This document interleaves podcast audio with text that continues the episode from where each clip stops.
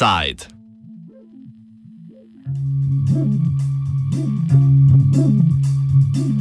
Iran ni eden, Irana sta dva.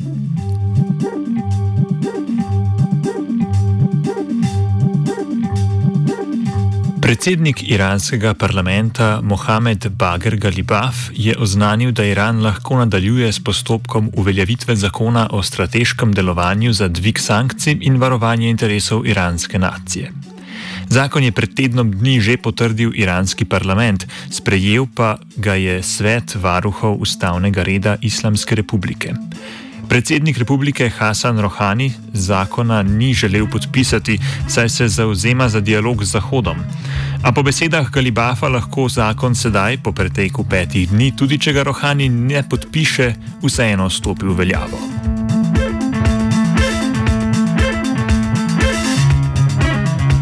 Zakon je moč razumeti kot napoved nadaljnih korakov odstopanja od iranskega jedrskega sporazuma, ki ga je Iran leta 2015 podpisal s petimi stalnimi članicami Varnostnega sveta Združenih narodov ter Evropsko unijo in Nemčijo.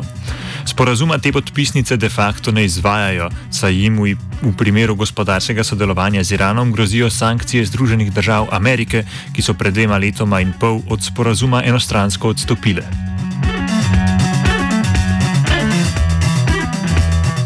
Iz poročil, ki so o zakonu na voljo, bi Iran lahko začel obogatevati uran na 20 odstotkov, medtem ko sporazum dovoljuje največ 3,67 odstotno obogatitev. Trenutno naj bi lahko Iran uran obogatil za 4,5 odstotkov. Zakon naj bi omogočal tudi izgradnjo dveh jedrskih reaktorjev s 40 MW moči, ki lahko proizvajata plutoni.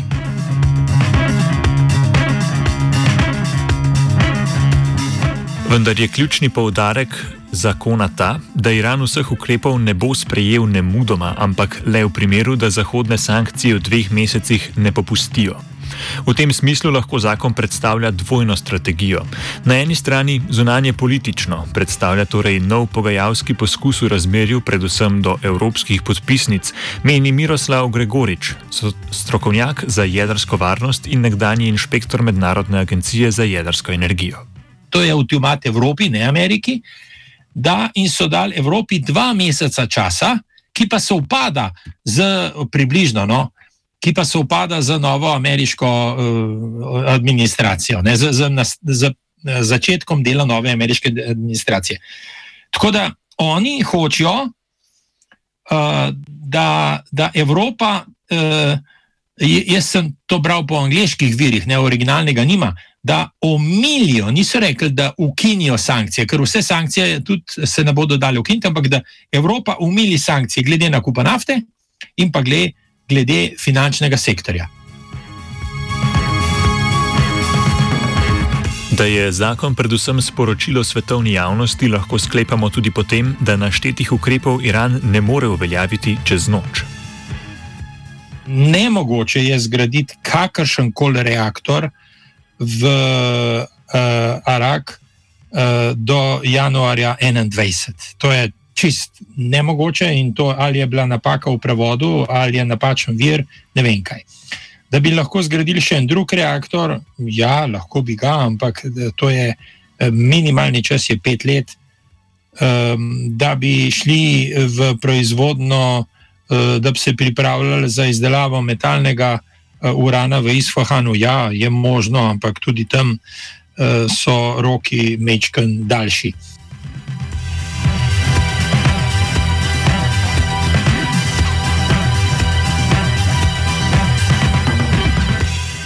Iran plutonija za jedrsko orožje ne more proizvesti, pravi Gregorič. Iran bi lahko postopoma le začel bogatiti uran do stopnje 20 odstotkov, vendar to večinoma ni sporno, saj za proizvodnjo jedrskega orožja potrebuje kar 90 odstotno obogateni uran. Kot je potrdil Gregorič, je do 90 odstotne obogatitve res da lažje priti z 20 odstotne, vendar. Vsaka. Uh v bistvu vsaka suverena država, ki je podpisala pogodbo o neširjenju jedrskega orožja, ima pravico na uh, prvi gorivni cikl, uh, prednji gorivni cikl in zadnji gorivni cikl. eh, pogodba o neširjenju jedrskega orožja ne prepoveduje. Tam sam piše, če imaš gorivni cikl, uh, ga moraš prijaviti Mednarodni agenciji za atomsko energijo in Mednarodna agencija za atomsko energijo bo za svojimi, svojo safeguard inšpekcijo to pregledovala. Da, in tudi ni nobene magične limite 20% v noter. Lahko bi bil kotil na 30%, pa, pa, pa je po, po MPT vse v redu in IAEA bi to gledala. Zdaj pa iz praktičnega vidika je pa tako, da je 20% se, ne, mislim, pod 20% se eh, tretira uh, gorivo kot uh, nizko obogačeno, LEU, low enriched uranium, nad 20% pa visoko obogačeno. Uh, to je ena praktična zadeva. Drugo je, da je veliko, če ne večina raziskovalnih reaktorjev, pa veliko raziskovalnih reaktorjev, razen tistih na težko vodo, dela so včasih delali na visoko obogačeno, tudi 90% urana 235, ampak večina jih pa dela zdaj na 20%. Um, uh, zdaj, ali imajo Iranci tak reaktor? Ja, imajo ga, ameriškega, ne, v Teheranu.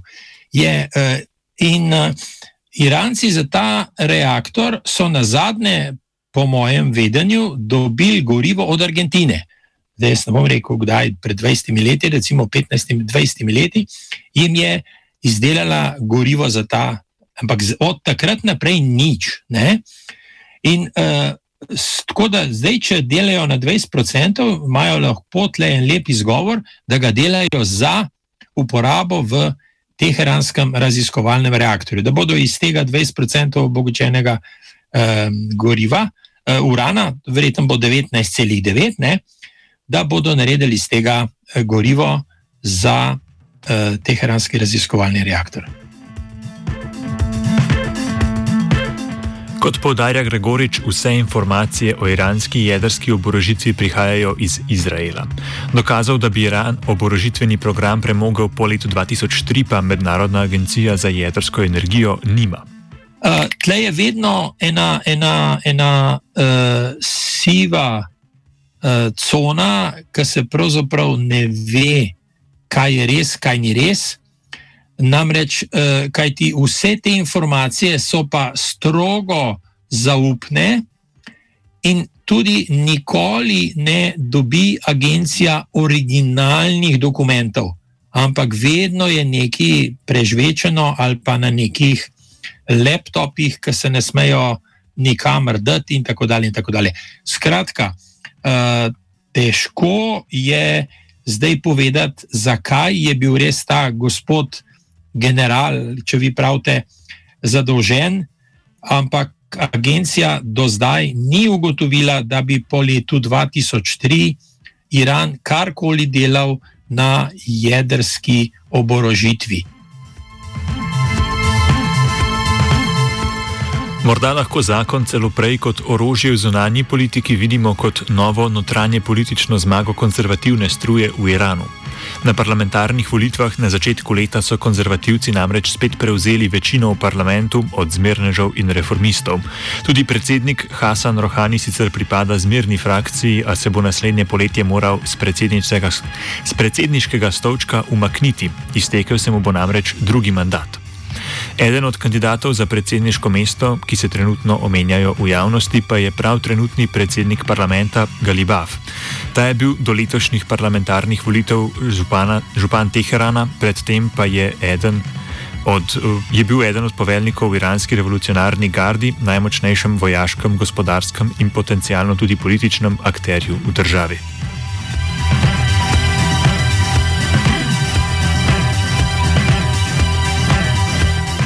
Po Trumpovem odstopu od jedrskega sporazuma in uvedbi sankcij, ki so po trditvah Gregoriča mnogo hujše od tistih pred sklenitvijo sporazuma leta 2015, se je vpliv revolucionarne garde na politiko povečal.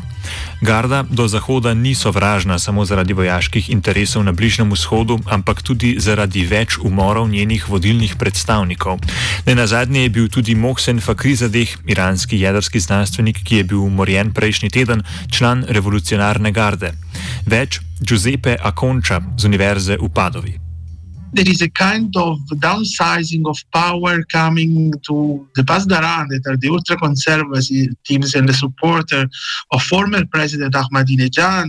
A few days ago, Pasdaran commander, Muslim Shahdan, has been killed at the border uh, between Syria and Iraq. And we mentioned before the murder of uh, Qassem Soleimani. So let's say that Pasdaran still have a major role in Iranian politics, especially after the uh, unilateral withdrawal from the nuclear agreement that was decided by Trump in 2018, that was formalized in 2018 by by Trump. Poraz zmernežev na parlamentarnih volitvah je predvsem odraz dojemanja, da je Rohani svojo politiko sporazumov pogorel. The parliamentary election came in a moment that the, we can say of crisis for the political establishment in Iran. And again, the conservatives have the way to manipulate those elections and to warn many uh, MPs you had some political figures that were especially supported by the conservative establishment. The two of them is the former mayor of Tehran, uh, that is Kalibaf, and the other one is Raisi. And those political figures had a big deal in those elections. Um, having to control uh, the uh, Majlis because one of them is the Speaker of the Parliament, and you know that the Parliament you mentioned that is not that uh, relevant because the supreme leader is a major power in Iran, but still is very important because can approve laws that after can be cancelled by the Guardian Council.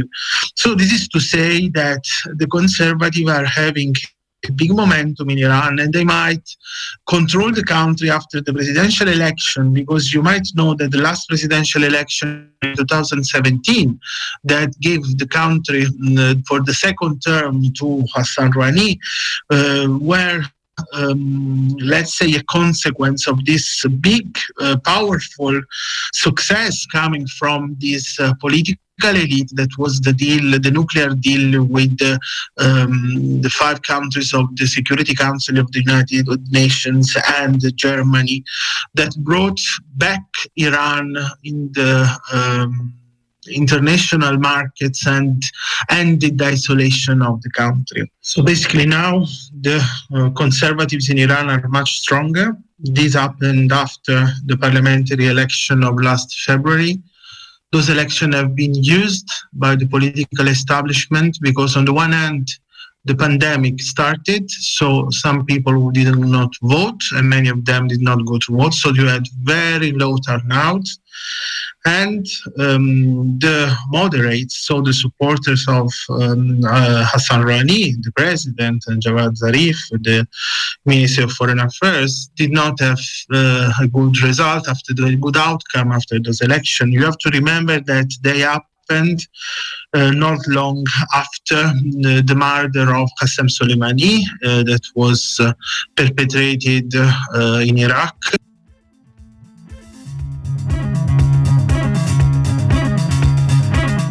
Zakon torej predstavlja orožje garde proti zmernežem na prihodnih predsedniških volitvah. Če bi namreč Rohaniju uspelo do volitev skleniti sporazum z novim predsednikom ZDA Joejem Bidenom, odpraviti sankcije ter v državi zagotoviti vsaj osnovno mero gospodarske stabilnosti, bi to za zmerneže pred volitvami pomenilo veliko zmago. So Iran has uh, strong economic power coming from gas revenues, coming from oil revenues, and uh, those revenues are used by those foundations to uh, finance the economy in the country and to finance especially some ayatollahs and some families and some paramilitary groups that are the supporters of the Pasdaran and of the uh, ultra conservatives that are basically the way in which they deal when there are protests in triggering them, in making them participate in order to um, arrest or uh, harass or uh, violently attack protesters.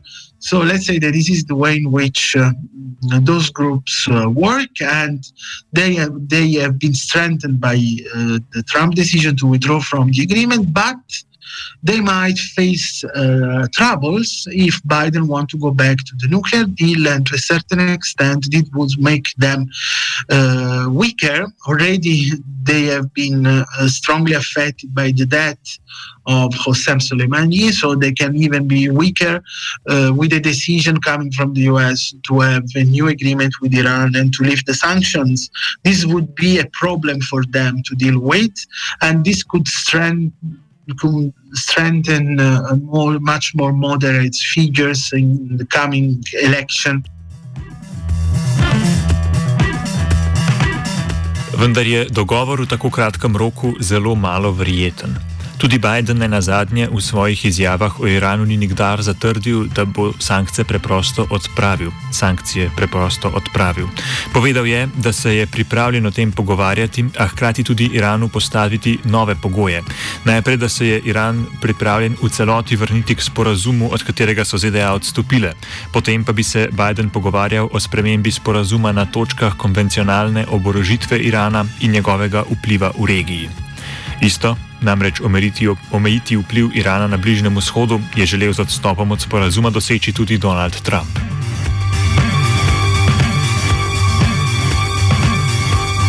Offside je pripravil Martin.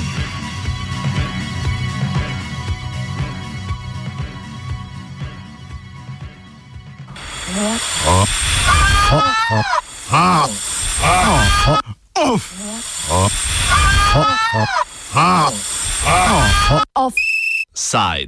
Mimo grede, vse tisto, uh, kar je Izraelu dovoljeno, uh, seveda je Iranu ni, ne?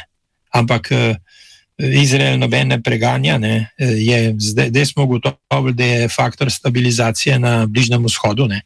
Mislim, to je višek cinizma. Ne?